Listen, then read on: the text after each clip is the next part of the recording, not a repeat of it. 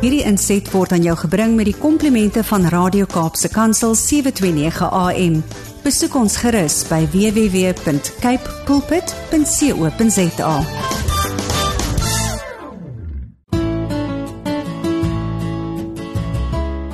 Goeiedag, my naam is Ilse Rondgen en ek nooi jou om saam met my stil te word en by Jesus se voete te kom sit terwyl ons hartsgesprekke saam met hom gaan hê.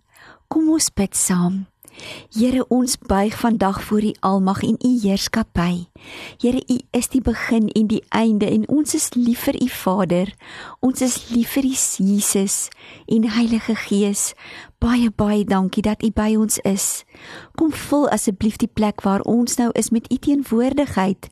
Here kom vul ons harte met U teenwoordigheid en ons gee aan U die hoogste prys en eer. Daar is niemand soos U nie. Here, U is so goed vir ons. Baie baie dankie vir U genade in ons lewens en dankie vir U goedheid aan ons. Ek bid dit in Jesus naam. Amen. Ek het nou al reeds die afgelope paar programme gesels met julle oor die persoon van die Heilige Gees en ek wil vandag 'n bietjie dieper saam met jou gesels en ontdek wat die woord van God vir ons leer oor die gawes van Heilige Gees en meer spesifiek oor gebed. Weet jy een van die hoogtepunte van my pad wat ek saam met die Here geloop het, was toe ek gedoop is met Heilige Gees. Ek kon fisies voel hoe my liggaam gevul is. Dit het regtig gevoel asof strome lewende water deur my borrel en deur my bruis en deur my vloei. Wanneer 'n mens besef Heilige Gees woon in jou en in my, dan is dit asof alles verander. Jy weet Heilige Gees is wonderlik en ek kan verstaan dat Dawid gebid het dat Heilige Gees hom nie moet verlaat nie. In Efesiërs 18 skryf Paulus: I pray that the light of God will illuminate the eyes of your imagination, flooding you with light until you experience the full revelation of the hope of His calling, that is, the wealth of God's glorious inheritance He finds in us, His holy ones.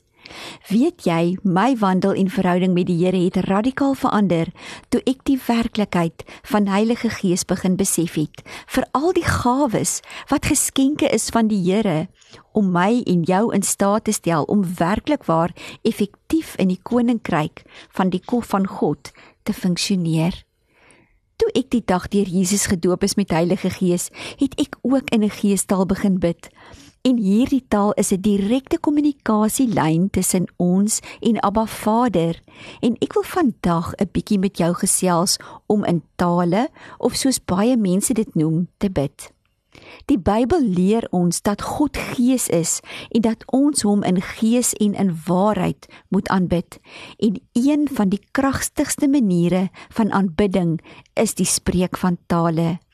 Dit is wanneer elke wedergebore kind van God 'n geestaal ontvang om direk met Abba Vader te kommunikeer. Wanneer my en jou geesmens direk met God praat, wanneer ons verstand en redenasies uit die pad eis, dit is wat gebeur wanneer ons in 'n geestaal bid. Bid. En weet jy, die vyand haat dit, want hy het geen idee wat nou gebid word nie.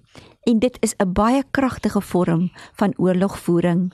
Efesiërs 6 van vers 11 leer vir ons van die wapenrusting wat elke kind van Abba Vader moet aantrek. En ek wil vandag vir jou sê, jy moet dit nooit uittrek nie.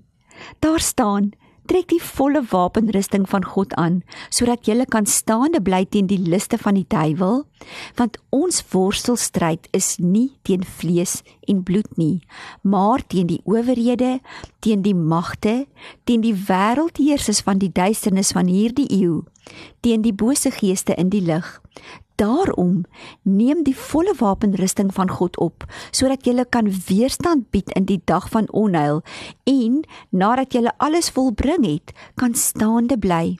Staan dan vas. Julle lendene met die waarheid omgord, met die borswapen van geregtigheid aan en as skoene aan julle voete, die bereidheid vir die evangelie van vrede. Behalwe dit alles, neem die skuld van die geloof op waarmee jy al die vuurige pile van die bose sal kan uitblus. In vers 17 staan daar: Neem aan die helm van verlossing en die swaard van die Gees wat die woord van God is, terwyl jy met alle gebed en smeking by elke geleentheid bid in die Gees. Hier lees ons dat ons in elke geleentheid moet bid in die Gees.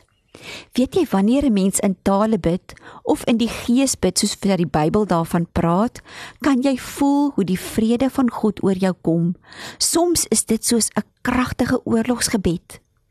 Ek het geleer dat die Here soveel dimensies het en dat my verstand te klein is om al die geestesrelm se dimensies te verstaan. Want die woord sê vir ons in 1 Korintiërs 2 dat geestelike dinge geestelik beoordeel moet word en diegene wat nie die gees van God het nie, nie geestelike dinge sal verstaan nie. Inteendeel sê die woord, dit is dwaasheid vir so 'n persoon. Volgens Jakobus 3 vers 8 is die tong iets wat die mens nie kan tem nie en dis die moeilikste deel van 'n mens se lewe is om te beheer en onder kontrole te bring. Wanneer iemand dus in ander tale spreek soos deur die Heilige Gees aan hom gegee word, dan dien dit as 'n teken dat die gelowige onder die volle beheer en kontrole van die Heilige Gees gekom het tale praat is nie slegs 'n teken van die doping in Heilige Gees nie, maar dit is ook een van die mees verhewe wyse waarop God groot gemaak en aanbid kan word. Dit is 'n verborgde taal tussen jou en God en in 1 Korintiërs 14 vers 4 staan dit daar dat dit stig jouself as 'n gelowige. In Romeine 8 vers 26 staan daar dat Heilige Gees help my om in my swakheid reg te bid. En kom ons lees wat sê die woord. Daar staan: En net so kom ook die Gees ons swakhede te help, want ons weet nie reg wat ons moet bid nie, maar die Gees self tree vir ons in met onuitspreeklike sigtinge. In Markus 16 vanaf vers 15 het Jesus self die volgende aan sy disippels gesê. Hy het gesê: "Hy wat glo en hom laat doop, sal gered word, maar hy wat nie glo nie, sal veroordeel word. En vir die wat glo, sal hierdie volgende tekens volg: In my naam sal hulle duiwels uitdryf, met nuwe tale sal hulle spreek." Weet jy uit die voorafgaande is dit baie duidelik dat die belofte van die Vader vir elke gelowige is en dit is vir my en vir jou. Jesus het gesê ons sal krag bo ons eie vermoë ontvang, die krag van Heilige Gees en ook om in tale of in die gees te bid. En dit is ook vir jou. Om in tale te bid gaan baie keer gepaard met wanneer iemand deur Heilige Gees gedoop word. Die enigste voorvereiste om gedoop te word en gevul te word met Heilige Gees is wedergeboorte.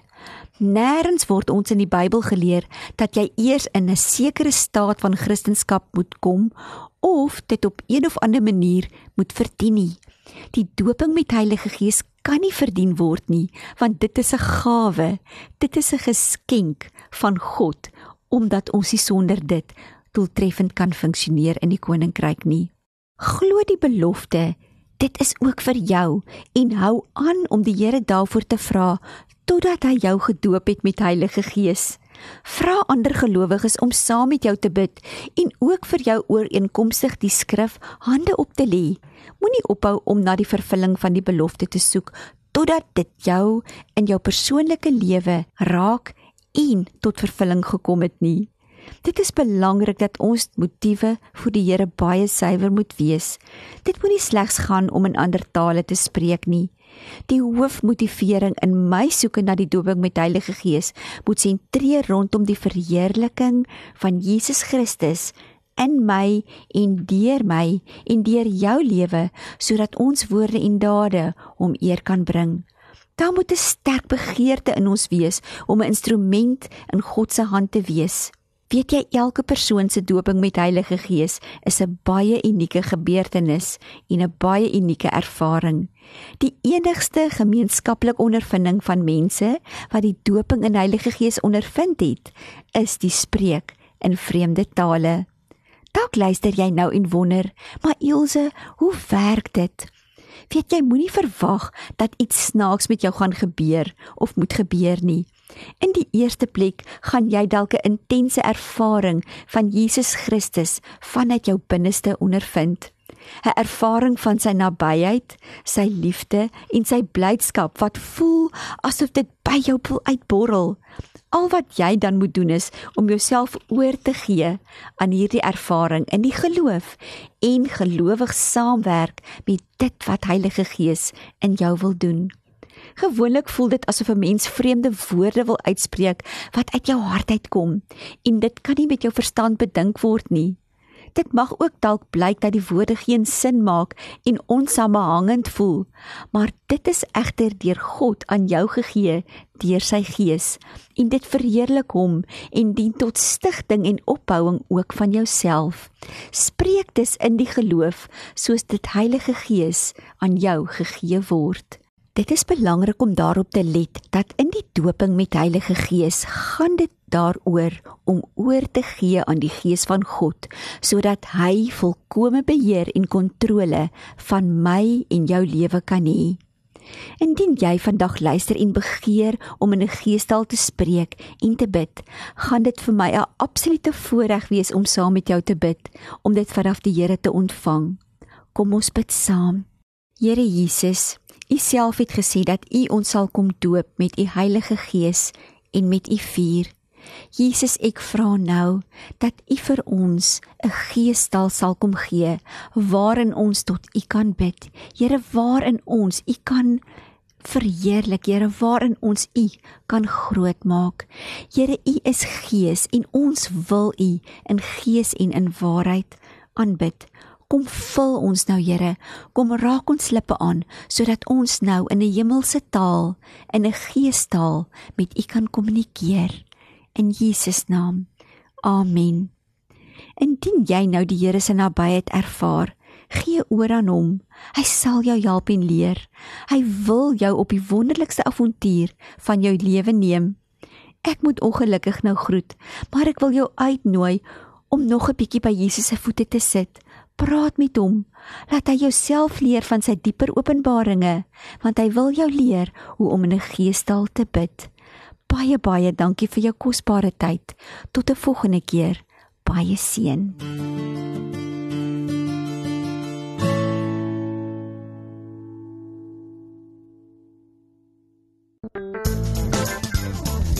Hierdie inset was aan jou gebring met die komplimente van Radio Kaapse Kansel 729 AM. Besoek ons gerus by www.cape pulpit.co.za.